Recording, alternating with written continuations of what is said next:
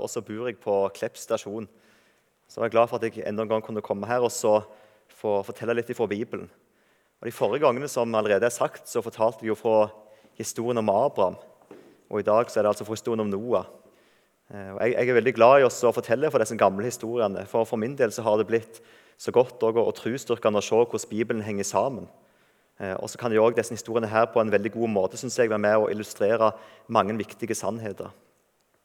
Men før jeg sier noe mer fra denne historien, så har jeg lyst til å be litt. Jesus, jeg eh, takker deg for alle som er samla her i kveld. Og så takker jeg deg for at vi skal få lov til å bruke tid med ditt ord sammen.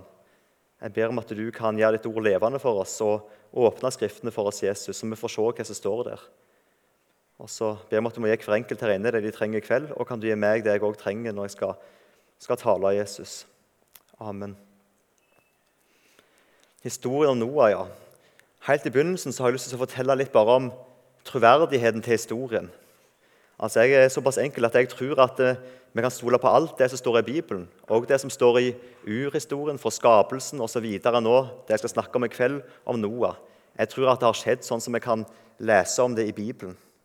Og nå til å begynne vil jeg bare si litt, litt ting utenfor Bibelen òg, som er med å vise at det, de folk og de hendelsene vi leser om, det er ekte og det er troverdig. Det er ekte historie. I Bibelen kan vi lese om Noah og hans første etterkommere. Det står navnet på dem. Sem, Kam og Jafet. Det er altså de tre sønnene som var med på arken. Og Så kan vi lese om navnene til sønnene deres og så flere av etterkommerne etter det igjen òg. Hvis vi går tilbake og altså leser på navn på gamle landområder eller på folkeslag eller gamle guder som folk fant opp, så vil du se at disse her navnene på Noahs første etterkommere de går ofte igjen. Du finner de igjen altså, i historien. Og du finner de faktisk igjen også i dag på, på navn på land, altså på de moderne eh, navnene som de har i dag. Jeg kan komme med noen eksempel. Det mest kjente for oss som er kjent med Bibelen, det er jo Kanans land, altså der som Israel er i dag. Og Der fikk jo det navnet pga. Kanan, et av barnebarna til Noah. Og Det var nok hans etterkommere som først bosatte seg der i det området der. Eller så ble det området som Etiopia er på i dag, eller Sudan, eller hele området der, det ble før i tida kalt for Kush. Og Fortsatt i dag så finnes det folke, folkegrupper i det området som kaller seg for kushitter etter Kush. Kush det er en av sønnene til Kam, altså det er et av barnebarna til, til, Noah. Eller dere alle som sitter her, har også hørt om Syria. Og Syria det kommer også fra det gamle navnet Asyria. Og Asyria det kommer igjen fra Assur. Assur det er også et av barnebarna til Noah. En av sønnene til, til Sem. Eller så jeg, kan jeg nevne et siste eksempel òg. Det er det området som Tyrkia er på i dag. Det ble kalt for, Før så ble det som bodde der, de ble kalt for Gomeritta, etter Gomer. Og I Bibelen så ble det området også kalt for Gomer- og Togarma-folket. Men Jeg tror jeg stopper der, for jeg kunne nevnt mange flere eksempel. Det var bare for å vise at det, det, det, De folkene vi leser om her i, i, Bibelen, de vi leser om her i denne historien, det er ekte folk. Det er ikke noe, bare, bare noe oppdikta. Men jeg skal ikke si mer om det. Til å begynne med så har jeg lyst til å lese fra en annen plass enn historien om Noah, fra profeten Esekel, også fra kapittel 12. Grunnen til at jeg vil lese derifra, er at det, det er kanskje noen likhetstrekk fra tida som Esekel levde på, og Noahs tid. Noah levde jo i ei tid altså før Gud skulle føre eh, sin dom over denne verden. Altså Han levde i ei endetid, kan vi si, på slutten av en tidsalder. Sånn kan vi også på en måte si at det var litt for Esekel òg. På den tida han levde, så i, i Juda så var det en tid rett før Gud igjen skulle gripe inn. og Israelsfolket ble ført av gårde til Babylon, i fangenskapet der. Så Sånn sett så levde han òg i en førdomstid, om vi kan bruke det ordet der, sånn som Noah òg gjorde. Så det, det, er litt sammenhenger der. Og Da vil jeg lese fra Esekel 12, og så skal jeg ta og lese derifra fra vers 26. Og Herrens ord kom til meg, og det lydde så.: Menneskesønn, Se, Israels hus sier, det synet han har, vært ikke oppfylt før om mange dager. Det er fjerne tider han profeterer om. Derfor skal du si til deg, så sier Herren, Herren, ikke noe av det jeg har sagt, skal utsettes lenger. Det ordet jeg taler, det skal hende, sier Herren, Herren. Og Hadde vi lest litt opp før der, så hadde det stått omtrent akkurat det samme. At Gud sier til israelsfolket det ordet jeg taler, det skal skje. Det er noe som er sikkert. Men vi ser også her at israelsfolket vil kanskje ikke tro på det. Eller de sier at det er fjerne tider han snakker om, noe som er langt der framme, som vi ikke trenger å bry oss om. Jeg tror at Sånn er det kanskje òg når, når, folk i dag, når vi som er kristne skal fortelle om det som kanskje har med de siste tider å gjøre, om at Gud igjen skal gripe inn i historien i framtida. Når vi snakker om de tingene der, så vil kanskje mange også i dag latterliggjøre det i den tida vi lever i i dag. Si at nei, det er kanskje fjerne tider, eller det er noe som aldri kommer til å skje. Det tror vi ikke på i det hele tatt. Men da sier òg Gud til oss som lever i dag, det samme som han sa til israelsfolket den gangen. Det ordet jeg taler, det skal skje. Og Vi som lever i dag, vi kan se tilbake på en lang historie. og Vi kan se at Gud han har sagt hva som skal skje før. til de som har levd tidligere. Og så kan vi se historien at det har gått akkurat sånn som Gud har sagt. Det Gud sier at skal skje, det kommer til å skje nøyaktig sånn som han har sagt. Guds plan skal bli fullført, enten vi liker det eller ikke, eller om vi vil det eller ikke. For min del syns jeg det er godt og, og trygt å hvile i det òg, at Gud har kontroll. Han er historiens herre. Så Det som skjer i verdenshistorien, det, det er ikke tilfeldig. Altså, Vi har ikke med en fjern Gud å gjøre som bare står på sidelinja. Men når vi leser historien om Noah eller om de andre store tingene som skjedde tidligere, i gamle tider, så leser vi om en aktiv Gud som faktisk griper inn i historien. Han, han tar et oppgjør med det vonde, og han frir ut de som søker tilflukt hos han. Men nå vil jeg gå inn i historien om Noah. og Da vil jeg lese fra første Mosebok og kapittel 6.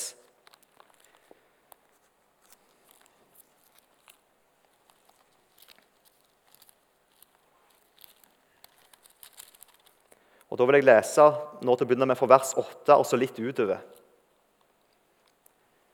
Men Noah fant nåde for Herrens augo. Dette er soga om Noah og etter hans. Noah var en rettferdig mann, ulastende mellom de som levde på samme tida. Noah vandra med Gud, og Noah fikk tre sønner, Sem, Kam og Jafet. Men jorda var forderva i Guds augo, hun var full av vold. Og Gud så på jorda, og sjå, hun var forderva.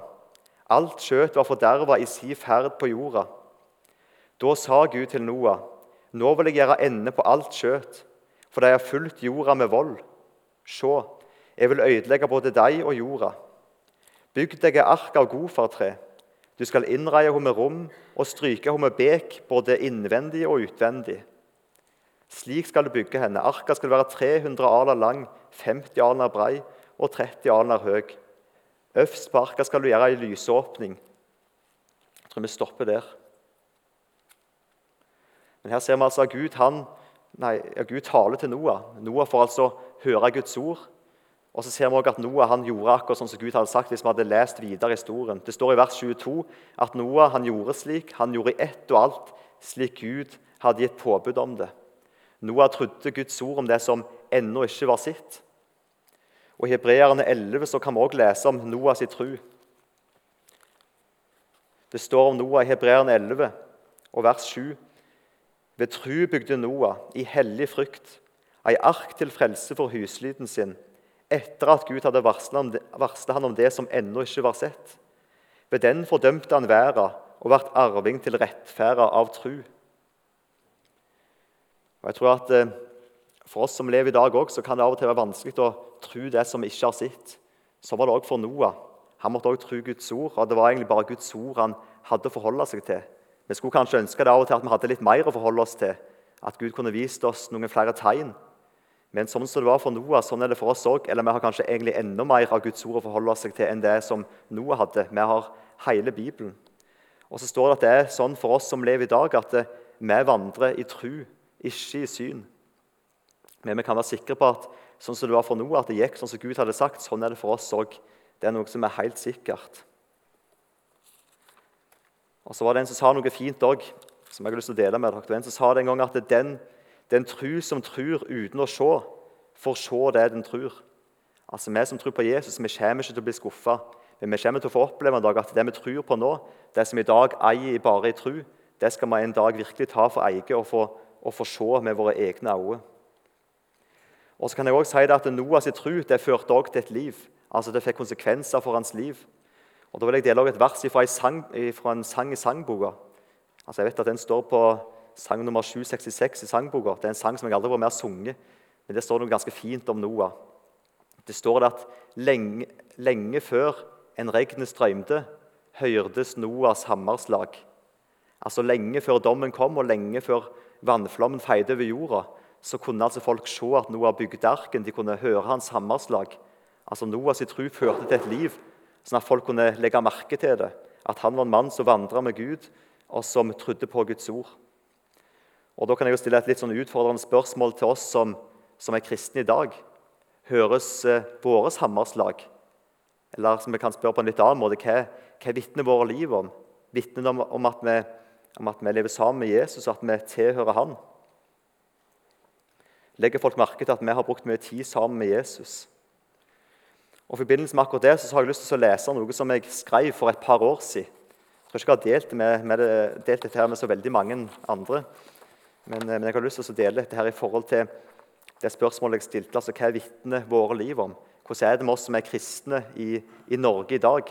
Det kan kanskje virke litt rart, det jeg har skrevet her, men det er i fall noe som jeg gikk og tenkte på for et par år siden. eller noe sånt.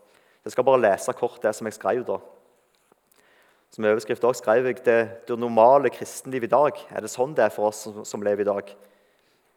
Eh, og så skrev jeg også at Gud vil at alle mennesker skal bli frelst.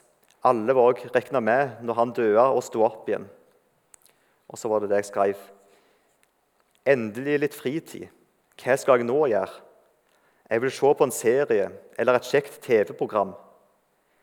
I morgen da vil jeg på hytta. Kanskje òg greit å lese litt nyheter. La oss se. Over 100 døde i Nigeria etter Fulani-angrep. Huff, forferdelig. Se der. Erling Braut Haaland skåra igjen. Mon tru om han tar forbi Lewandowski. Ei uke seinere. I dag er jeg trøtt og sliten. Været er så dårlig. Nå er jeg lei. Jeg vil reise på ferie til Syden. Det hadde jeg trengt nå. Kanskje til Bulgaria, litt utenom det vanlige. Oi, det er visst møte på bedehuset i morgen. Det blir kjekt. Han som skal tale, er spennende å høre på. Litt seinere på kvelden. En gammel venn er kommet på besøk. Under en kaffekopp sier han jeg har hørt mye fælt i det siste. Mange her i området sliter med både det ene og det andre. Ja, det er trist det der, men nå må vi gå og gjøre klar maten. Midt under dagens jag og mas var det en stemme som stadig prøvde å få kontakt. Den sa noe som dette. Har du, hva, har du sett hva jeg gjorde for deg, og hva jeg gjør for deg? Ditt liv varer ikke lenge. Vil du ta deg litt tid å høre? Se ut vinduene. Der ute er det noen tause rop. Nødrop for mennesker uten håp. Eller er de tause? Mulig de er klare og høye. Kanskje blander de seg med andre lyder. Det er noen der ute, mange døende, som dør uten lys å se. Det var det som jeg skrev den gangen der. Og Det har blitt litt sånn utfordrende for min egen del òg. Og, det jeg ser på hvordan vi kristne lever i Norge i dag. Av og til så lurer jeg på om vi egentlig bryr oss om at mennesker rundt oss går fortapt. Og jeg kjenner jo selv også at vi, jeg tenker mest på det som jeg selv har, det som passer meg best. Og jeg tror det er sånn, er, sånn tror jeg det er for mange av oss. Vi bruker vår tid på det som passer oss best. Vi bruker våre penger sånn som det passer oss best. Og Det å tenke mest på seg sjøl er egentlig synd. Sjølivet, det at vi vil være som Gud sjøl, det er egentlig der all synd kommer ifra. Og Jeg vet ikke hvordan du kjenner det når jeg snakker om disse tingene her, men jeg håper at det kan være litt ransakende på oss. At det kan få lov til å være med og bringe lys over våre liv og hvordan det står til med oss. Nå skal ikke jeg stå her og si egentlig hvordan vi skal leve eller hva vi skal gjøre, for jeg tror ikke det kommer til å hjelpe så veldig mye mer. Men jeg har lyst til å fortelle noe annet fra historien om Noah òg. For jeg tror også at historien om Noah den forsyner også ord om korset. Og det har jeg lyst til å, å peke på nå. Vi kan si det på den måten om Noah og hans familie at når de gikk i arken Vi kan si at de var i arken gjennom dommen over den gamle skapning. Etterpå så sto de på fjellet Ararat. Og Ararat det betyr hellig grunn. Og De hadde fått en helt ny begynnelse, en ny start, og det gamle det var vekke. Det var historie. De var altså i arken under dommen over den gamle skapningen. Og jeg tror at Arken det er også et klart forbilde på Jesus. Og nå skal jeg si en ting som er sant for oss som har søkt tilflukt til Jesus pga. at vi ser at vi er avhengige av han. Og Det er sant sånn som det står i Romerbrevet 6, at vi var i Jesus, vi ble korsfesta med han Når han døde på korset, da var vi i han. Og i han så får vi stå opp til et nytt liv, for en helt ny begynnelse. Og Da vil jeg også sitere en ganske fin sang som handler om akkurat dette her. Den går sånn som dette her. Tenk, jeg var i Kristus da han døde. Det var min synd som førte til hans død. Men da Gud ved sin kraft reiste han opp, da var det jeg som sto opp til evig liv.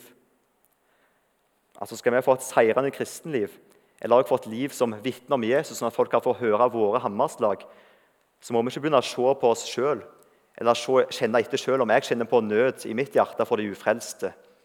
For det kommer vi ikke til å finne der. Men vi må se på Jesus, og vi må, se, om vi blir funnet i Han. Det er det som gjelder. Da trenger vi å få øynene opp for akkurat disse tingene som jeg snakker om nå. Se det som Jesus har gjort. Gud han er ferdig med all vår synd. For når Jesus dør på korset, da var det altså vår synd. Det var det som ble, det var, det var det Gud førte sin vrede over den gangen der. Så fikk altså Noah-familien en helt ny begynnelse, en ny start. Jeg kan også si at Det var åtte personer som var med på arken. Tall åtte i Bibelen er noe som har med en ny begynnelse å gjøre. Den åttende dagen, det er mandagen, det er en ny uke. Og Da kan jeg fortelle en ganske interessant detalj fra denne historien. her. Jeg sa jo det at eh, Noahs ark stranda på fjellet Ararat. Og Hvis vi hadde lest i første Mosebok litt videre, så kunne vi lest hvilken dato båten stranda, hvilken dag de gikk ut. Det står ikke dato dette her skjedde på. Det var den 17. Abib. Og Det tilsvarer egentlig den 17. Nisan eh, i den jødiske kalenderen i dag. Kalenderen ble jo etter hvert forandra på. Det kan vi lese om i 2. Mosebok kapittel 12. Men de som har undersøkt litt dette her, de har sett at den dagen som Noahs ark stranda på Aratfjellet, og de gikk ut, det er altså akkurat den samme dagen på året som, eh, som jødefolket var på vei ut fra Egypt. Det var altså på førstefruktens høgtid, som er den tredje av de sju høgtidene til jødene som de har i løpet av året, som Gud har innsatt for jødefolket. Jesus han døde jo på korset på påske, og han ble gravlagt på de usyre brøds høgtid, og han sto opp igjen fra de døde på førstefruktens høgtid, den 17. nisan. Det er altså den samme datoen som 17. Abib, samme dagen og samme datoen som også Noahs ark stranda på Araratfjellet. Og den samme datoen som også markerer en ny begynnelse for israelsfolket når de forlot slaveriet i Egypt. Altså På den dagen der fikk altså Noah-familien en ny begynnelse. Det gjorde israelsfolket òg. Og det samme gjelder òg for, for, alle oss mennesker pga. Jesus han sto opp fra de døde. Det står jo sånn i 1. Korinterne 15, i et av versene der. Men nå er Kristus stått opp fra de døde og har blitt førstegrøden av de som er sovna inn.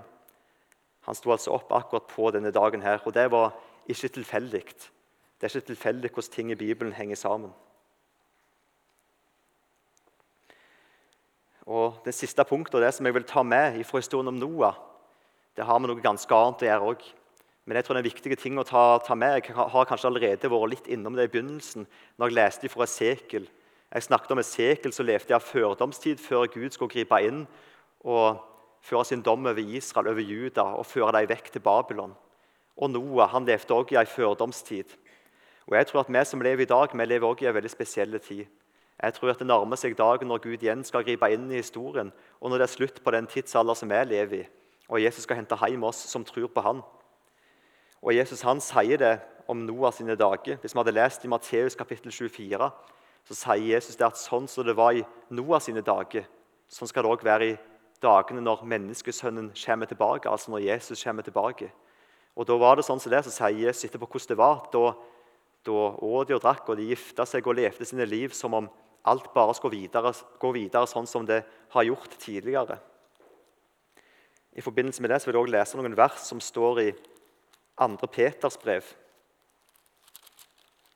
og kapittel 3.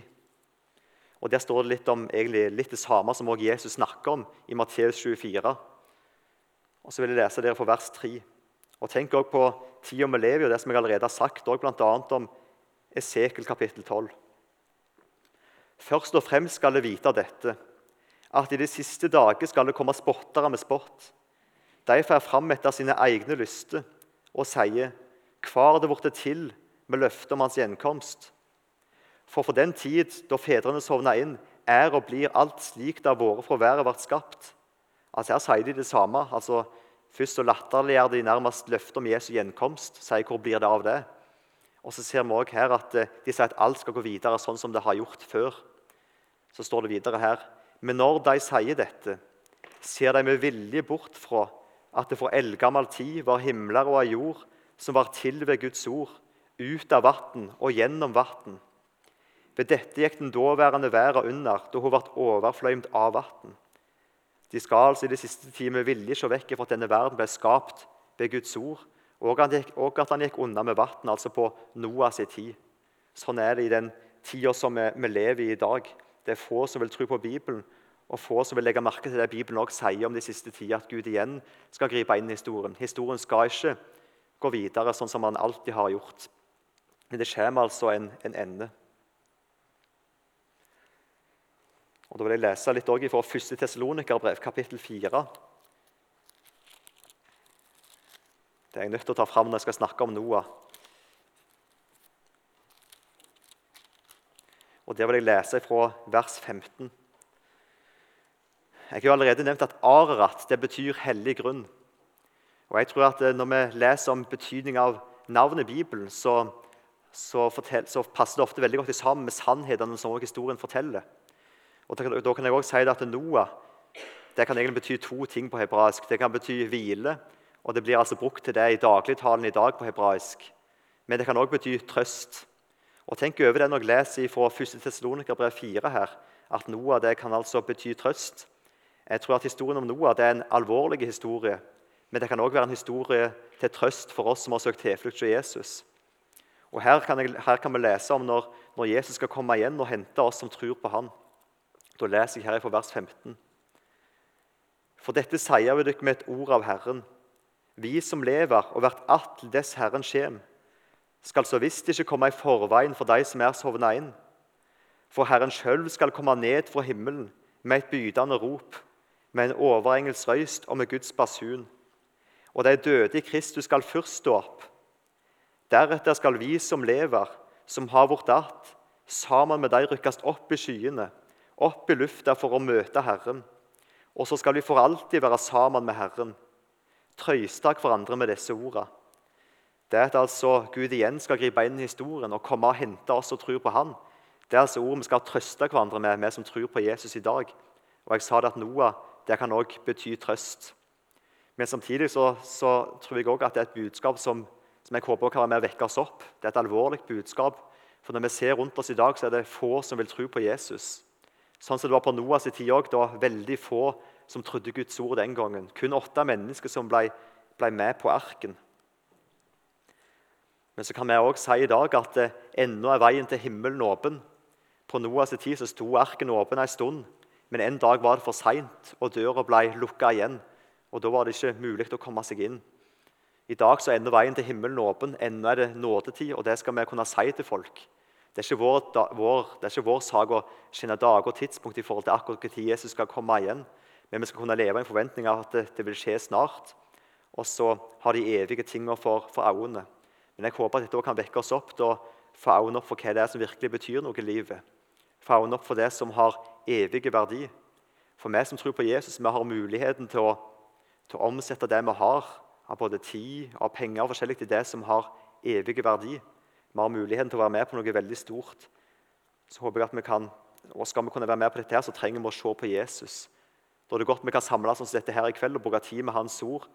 For det er noe vi trenger. Altså skal Jesus få lov til å slippe til i våre liv.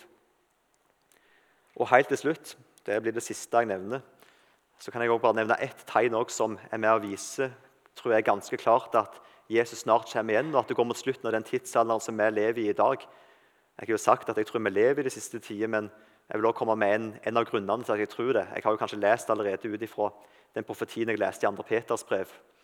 Men eh, jeg kan også nevne Jesus sine ord, som også er for Jesus sin endetidstale, som dere også kan lese der, rundt Matteus 24 eller 25. Rundt der kan dere lese at Jesus sier at eh, når fikentreet blomstrer Dere skal altså lære en lignelse av fikentreet.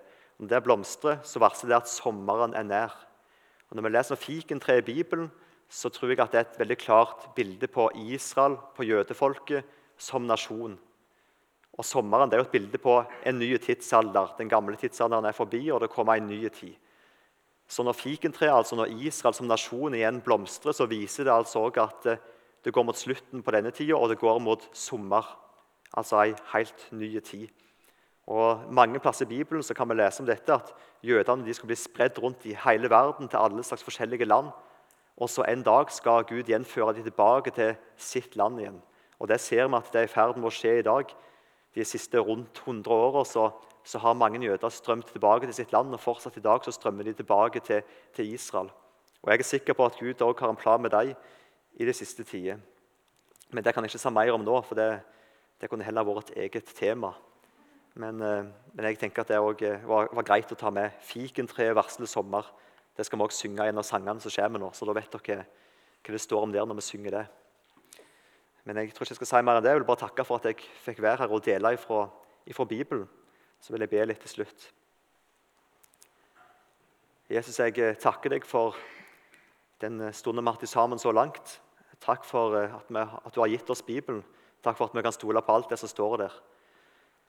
Og Jesus, så ser du der om det sitter noen her inne som ikke kjenner deg. Da ber jeg om at du må kalle på deg, Jesus, og la dem få se det at de er helt avhengige av deg. Og må du vise oss alle, Jesus, at det du gjorde for oss, det gjelder hver enkelt menneske, Jesus.